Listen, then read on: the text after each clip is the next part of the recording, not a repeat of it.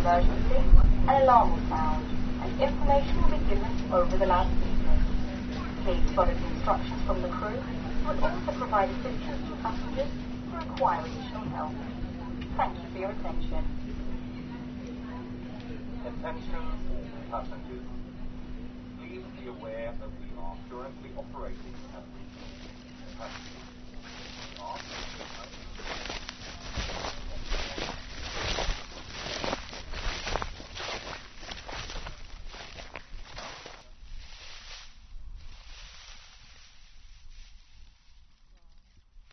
Fly away, away, away.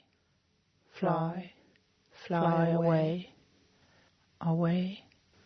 Fly, fly. Away, away. Longing, away. Fly, fly, fly away, away, away. Fly, fly, fly away, fly away, away. I grew up on an island, yes, I did. It is called Asmaløya, which is a part of the islands called Hvaler. Hvaler consists of several islands, yes, a total of 833 reefs, islands and islets. 833 all is of course not inhabited. Ebba grew up there, grew up on Asmaløya. When she was a young woman, she was taken away. I think she must have been scared. A place. An island, a place. A place is a place because we can relate to it. I am standing in the office in my office. The electricity is gone. It's quite dark here now. And I am keeping trying to figure out Aunt Ebba, as I told you about in the last episode. Let me go back to the island. Every time I got off the bus after being at school on another island, I went home how much easier it would have been to fly.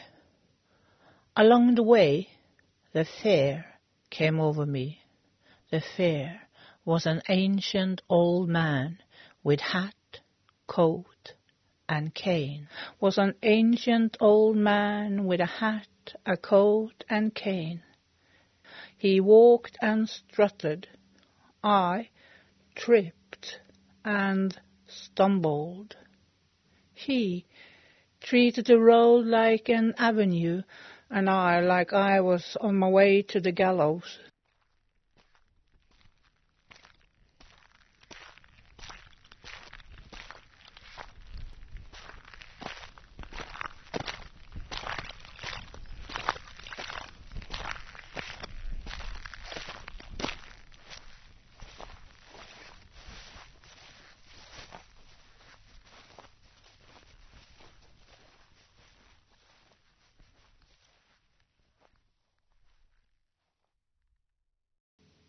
It was different in the morning.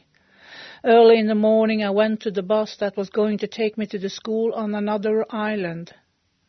Down the small steep hill. Watch out! You, you can, can, slide, in, in the pebbles. pebbles. Do not kick to the pebbles, you will destroy your shoes. At the end of the hill, a new hill goes up to the right. At the top of that hill is the hut of Norum. Koselig. Norum was a man. He is dead. He drove a white, how do you say that in English? Volkswagen, we say in Norwegian. So I use Volkswagen Beetle, you know, the round, small car. And he smoked cigars. You are not going up that hill. You turn left and walk across a flat road, which has a ditch on each side. That is quite hard to say for a Norwegian, which has a ditch on each side. Ditch on each side. Oh, I'm being poetic here. In the ditches and inland or beyond, reeds grew. in the ditches. The toads have themselves every spring. Therefore, you should calculate plenty of time if you walk that way in the spring.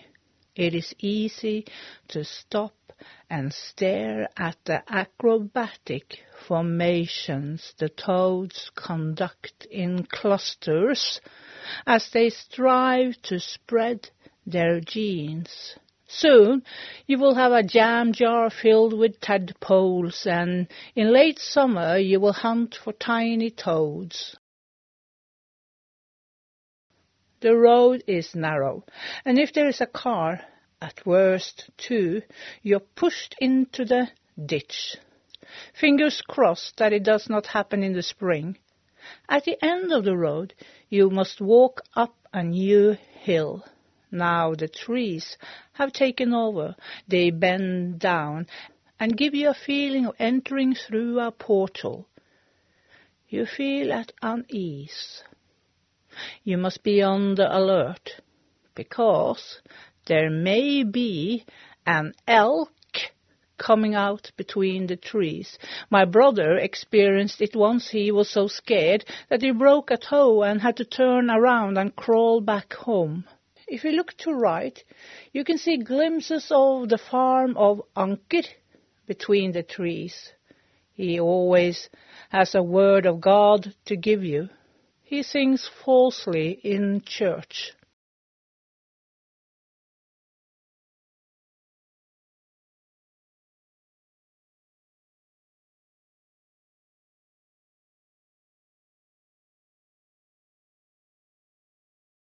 Borgen has a neighbor who shoots with a shotgun at people. You keep going straight ahead. Then the road goes down a hill and past a yellow house. Every summer it's full of dogs outside the house. They bark at you, they bark at everyone passing by. Now, you will arrive at the crossroads. The road to the right no longer goes to the local grocery Arndt, but Bunnpris. This kind of grocery you find everywhere, you know. It does not matter. You go left. The road stretches in a wavy bend and a slow and call it gentle hill.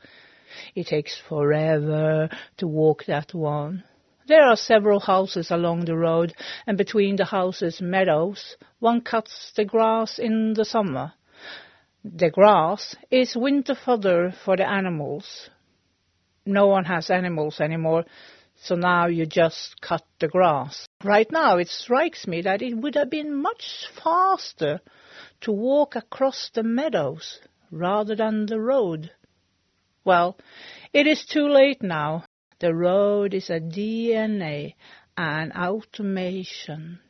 You continue to go up this gentle hill, past two white houses, which is by the road, and two red barns. They are no longer red barns because there are no animals there. The last white house, they lifted the curtain up and looked at you, and you pretended you did not see them. Then you move on and get to the place where a family built the houses on either side of the road. Or was it the other way around? The road was placed between the houses. Further straight ahead, there is soon a road that goes to the right and a sort of indefinable pedestrian crossing. We are pretending it is a pedestrian crossing it was not there before, but now there is a housing estate behind some hills and a hall for this and that sports and festivities. So we pretend there is a pedestrian crossing there. When I was a child, there was not. Then go down a small hill and you see the road. The road itself, that is the road that is paved and you always think that this is where it should have been a pedestrian crossing. It is not. You go left and you are at the bus stop. As usual, you are too early. But the bus eventually arrives, and then the worst part of the journey remains. I am not going to tell you about that now. Is under the ground, underground.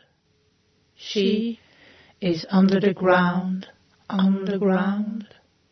She is under the ground, underground. Ebba went part of the same way to get to the schoolhouse, but she had to go much further, and she did not have to take the school bus. She had to walk and wander. Her brother, my grandfather, had found a shortcut over the mountain, but he did not want to bring his sister along, so she had to walk. There was no paved road at that time, but on the other hand, there were constantly gates she had to open and go through, and to remember to close after her. That is the time when you had animals. The road was not paved, and pedestrian crossing was not needed, but gates. Gates everywhere. Gates had to be there. Whatever season, she had to walk, that is for sure, and the gates. She had to go through the gates. But she did not have to go to school every day. A little repeat here from the last episode. No one knows anything about Ebba. She was weird, and therefore silenced and forgotten. I tried to lead myself to a story about Ebba by finding small pieces here and there. She was born 1911 and died 2004. Between the two points, she lost her parents and brothers. She herself had no more family. When Ebba was 17, she was sent from home and into an institution, where she was found in a basement. By the way, in the previous episode I said that she survived her four brothers, and that is correct. What I forgot to say was that she should have had five brothers. One died early, and it was the wrong brother, they say. It was the wrong brother who died, and that is another story I will tell another day. Like I said, Ebba did not have to go to school every day. Around 1920, children attended school 12 weeks a year. It was called in Norway folk school, folkeskole, because there should be no difference between poor and rich. All children should go to school and the teacher would teach subjects such as Christianity, mother tongue, mathematics, music, history, nature, writing, drawing, body and weapon exercises, weapon exercises, yes, if you were a male teacher, needlework if you were a woman. On all the islands, Hvaler, twelve teachers worked at that time, as well as some people who helped young girls with needlework. It says in the papers I have read. Ebba went to the schoolhouse. She went in the dark in the winter, on the wet hill in the spring, through growing grass in the summer, and in the wind in the autumn. She went to the schoolhouse. The schoolhouse was a whitewashed building with large windows. In the schoolhouse there were two rooms and a small building as an extension. Here the teacher lived. Inside there were wooden benches where the desk and the bench were built in one. The teacher had several protocols. Absence protocol, protocol for those who left, either they died or moved away. Penalty protocol, protocol on police reported children, and protocol for those who received financial assistance. All this the teacher had to manage. Growing up on an island is safe. Everyone knows everything about you. Everyone talks and are silent. It is straightforward. We long to be away from the protocol. We long to be away from the protocols.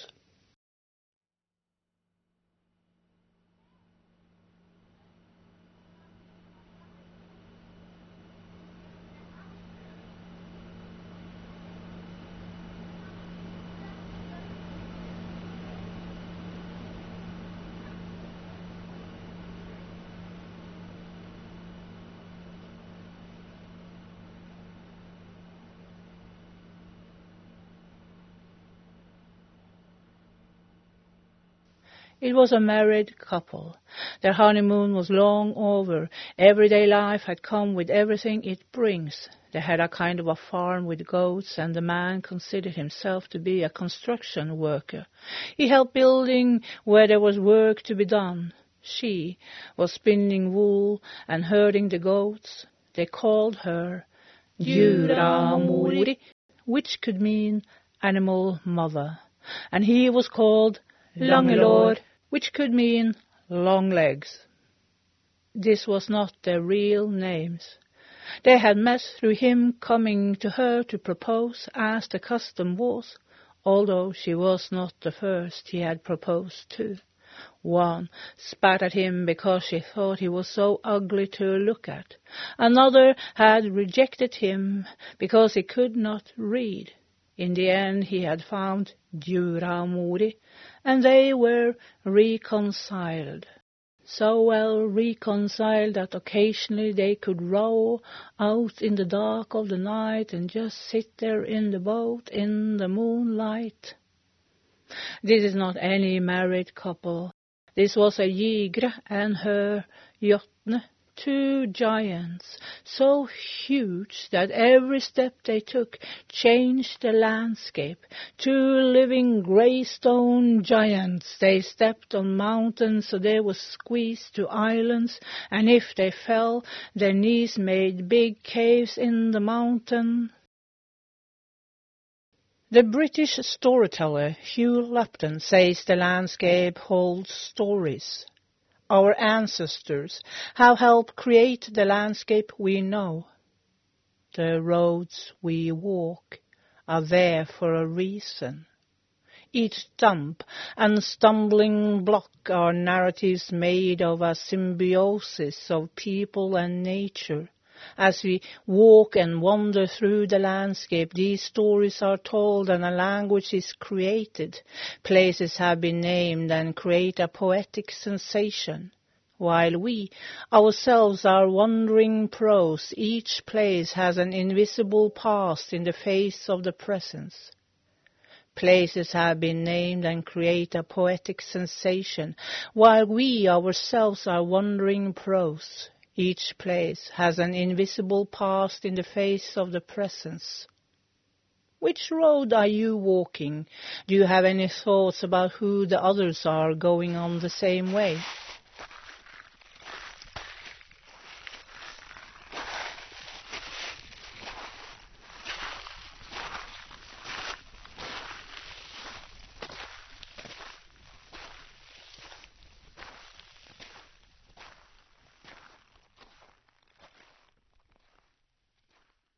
When I walk on the road I wandered to school, I carry with me the invisible habits of having wandered there so many times before.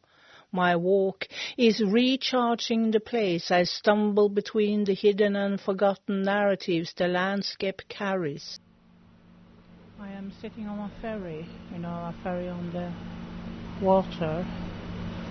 A transition, a transition between two places, two stories. I met him every day, the bare grey Sorpus. Every time I got off the bus after being at the school and tripped home with my eyes down to the ground, he came. He was an old man with a hat and a coat and a cane.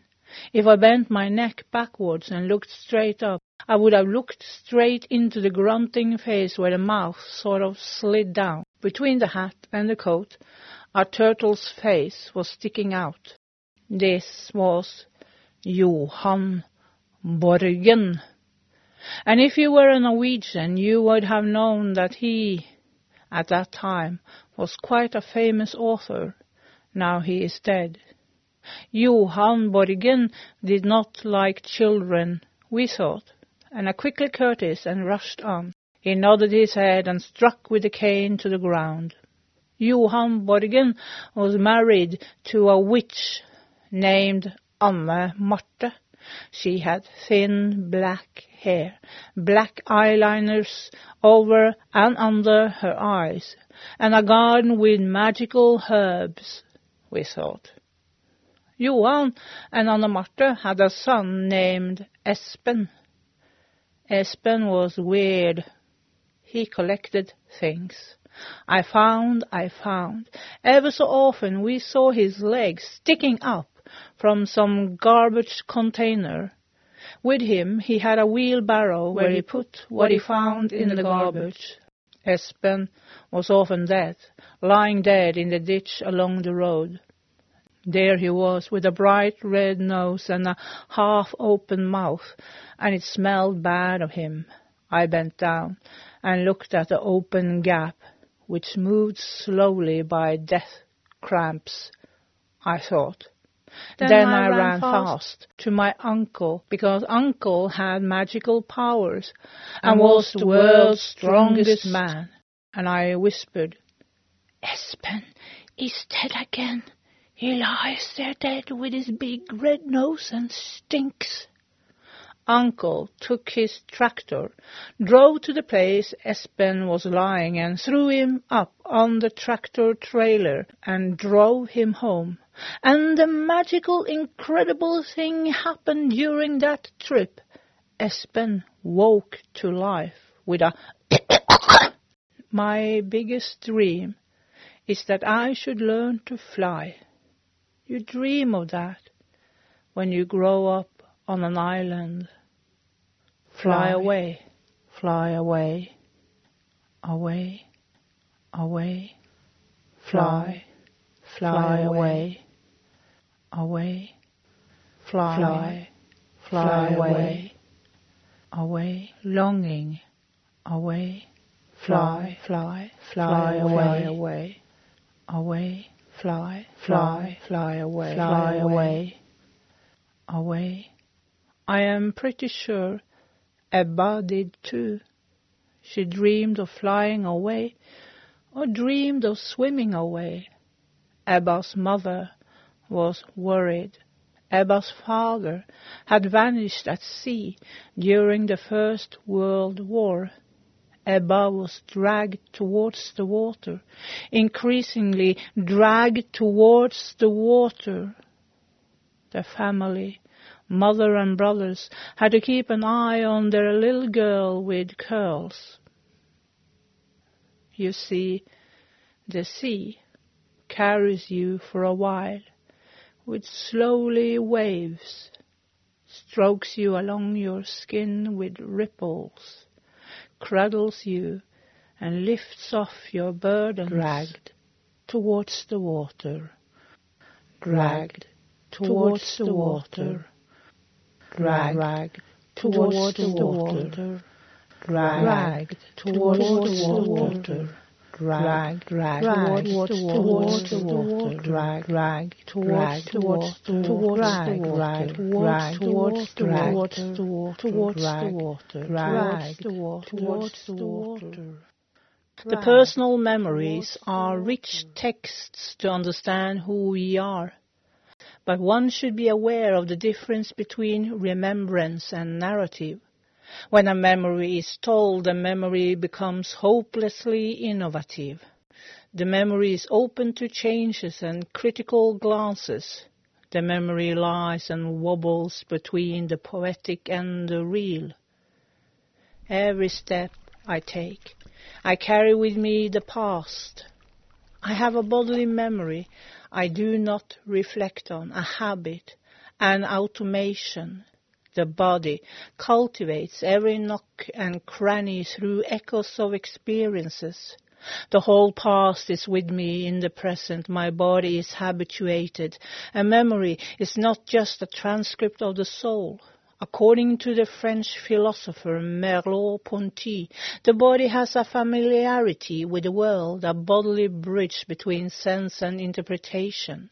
The body does not wander pointlessly. It materializes both the personal and cultural memory, for movements and ways of being are influenced by all the social spaces I have wandered in and out of.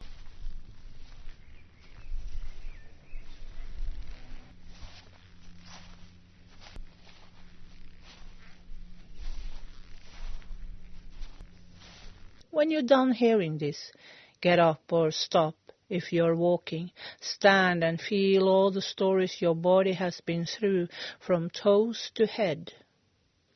Through my own memories, I try to get to know Ebba and perhaps her despairing life.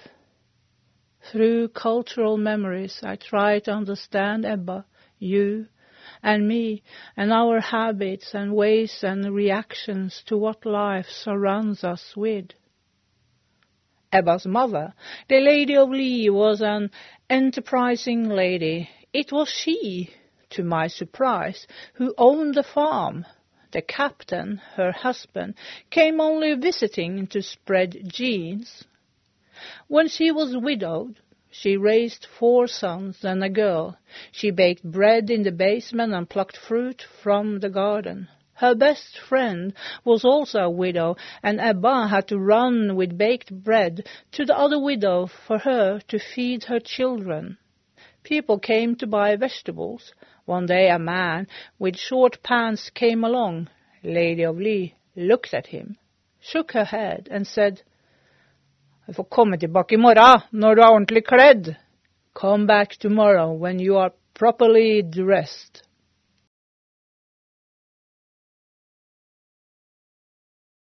What, what is, is, the distance, distance between, between, you and the one, and the one closest, to you? To you?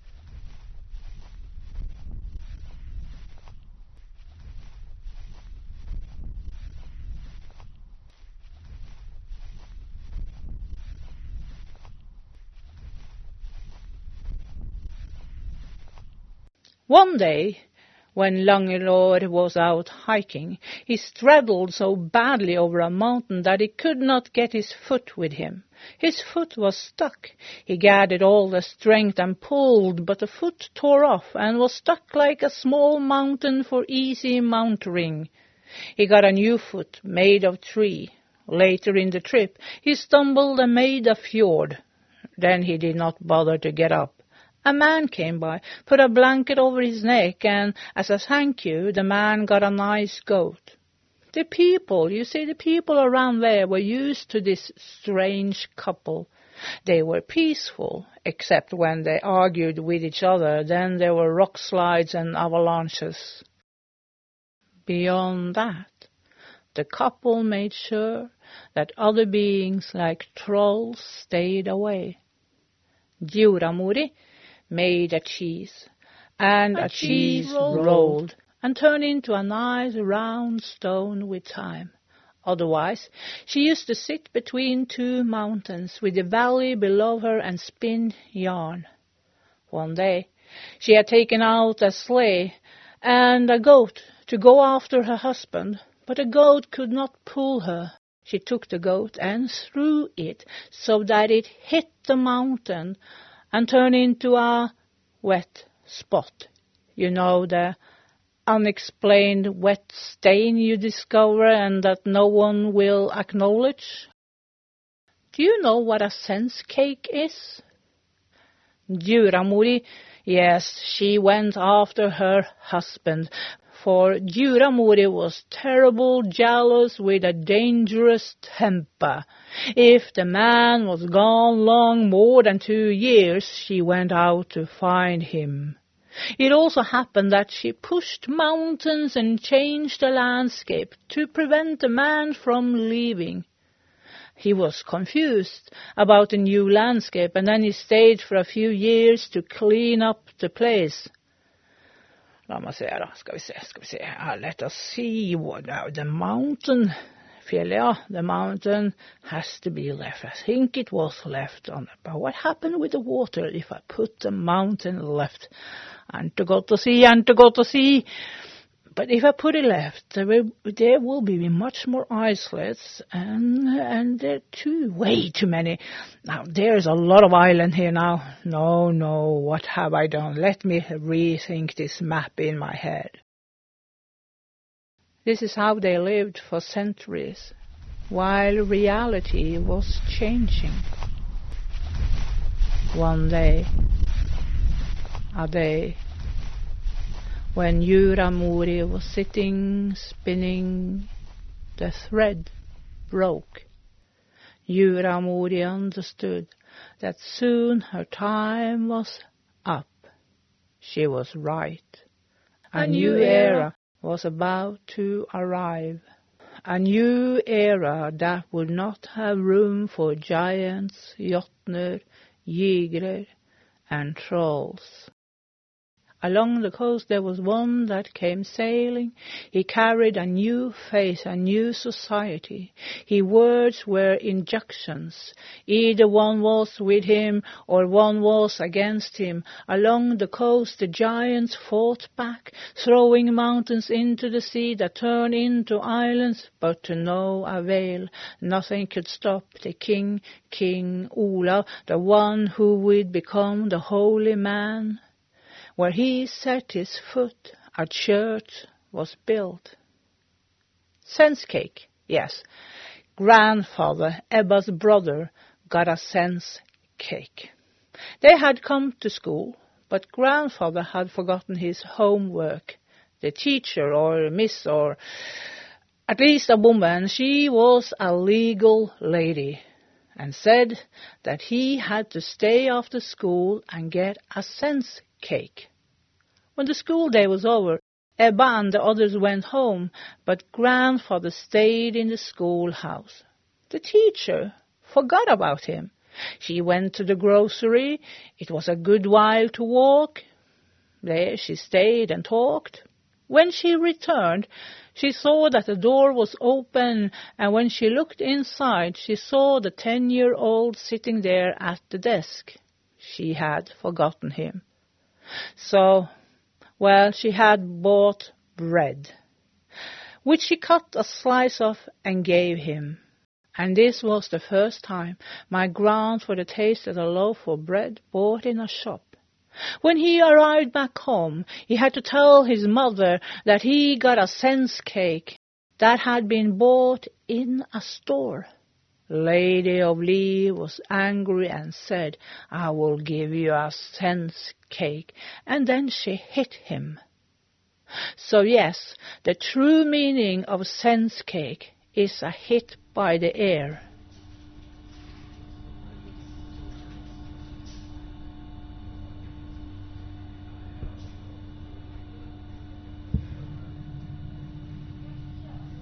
Fly, fly away away, away, fly, fly away, away, fly, fly. away, away, longing, away, fly, fly, fly away, away, away, fly, fly, fly. away, fly away, away. I want to fly away. And I was not alone. We were going to fly away. We were going to learn how to fly, me, my brother, my summer friend, and my brother's friend. But how to learn to fly? We had jumped from rocks and locked with our arms. We had attached drakes to the back and ran across the field. We did not fly. What was missing? the folklore gave us answer. As the Norse gods, we had to have feathers, and as the witches, we had to have witches' brew. We robbed my grandfather's chickens for feathers. Grandfather, brother of Ebba, we attached the feathers to the arms with tape. Karlsson's glue, we could not use, that is for sure. We had tried it out. We put on clogs because it would be much easier to fly. We could just leave the clogs behind. We attached jumping elastic at our legs between us because we knew that we would not have full control the first time we flew since we had never flown before. There would be a danger of us flying away from each other, so the elastic would help us to stick together. Then we went to Johan Borgen's home to steal herbs from the witch's garden. the herbs we should rub all over us, and thus we would be able to fly. Oh, what a joy! Loki flew, Icarus flew, and now us. We took the longest path so not to be shot by the mad neighbor of Borgen during our mission. We sneaked into the garden, rounded some bushes where we knew the herbs were. Soon we were going to rub, smear. We rounded the bushes, and there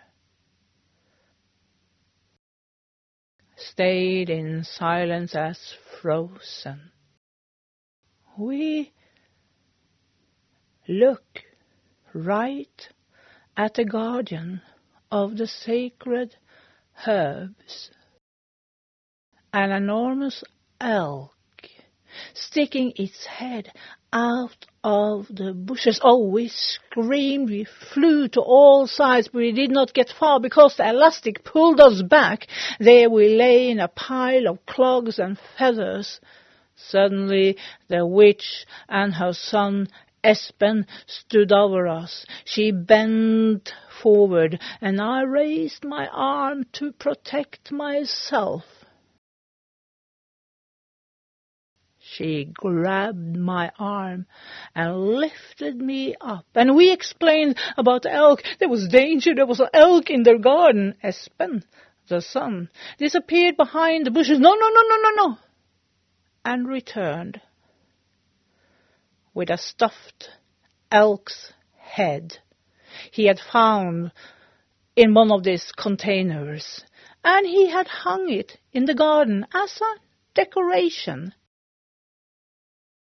The witch asked us in for some juice. There was a lot of juice that summer. There was a lot of juice that summer. She is under the ground underground. She is under the ground, underground. She is under the ground, underground.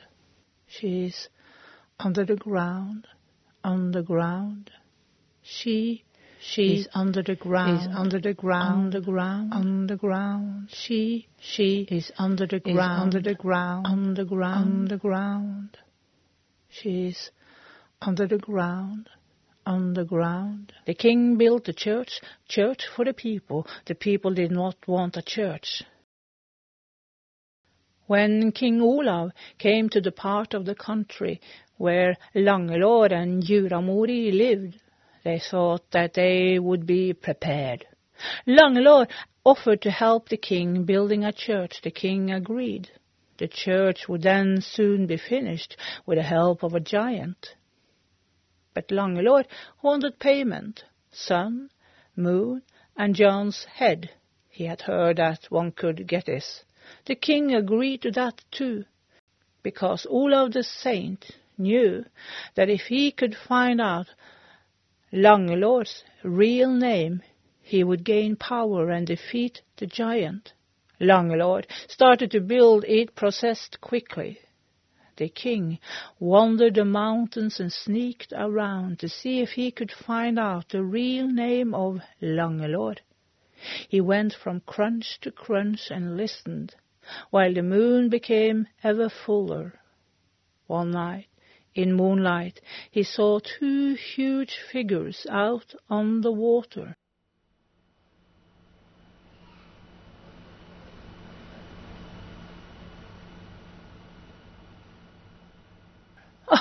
Tänk sa det.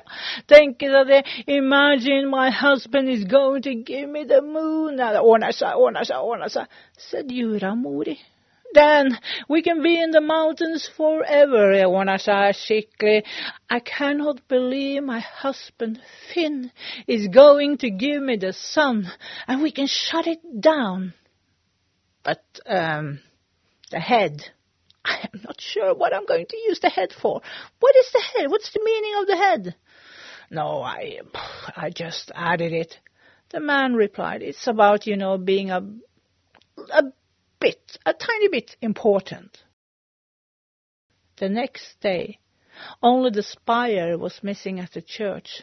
Langelår was about to place it when the king came, looked on and said, No, you big and ugly, unchristian giant. That is going to be wrong. I think you're putting it on wrong, Finn.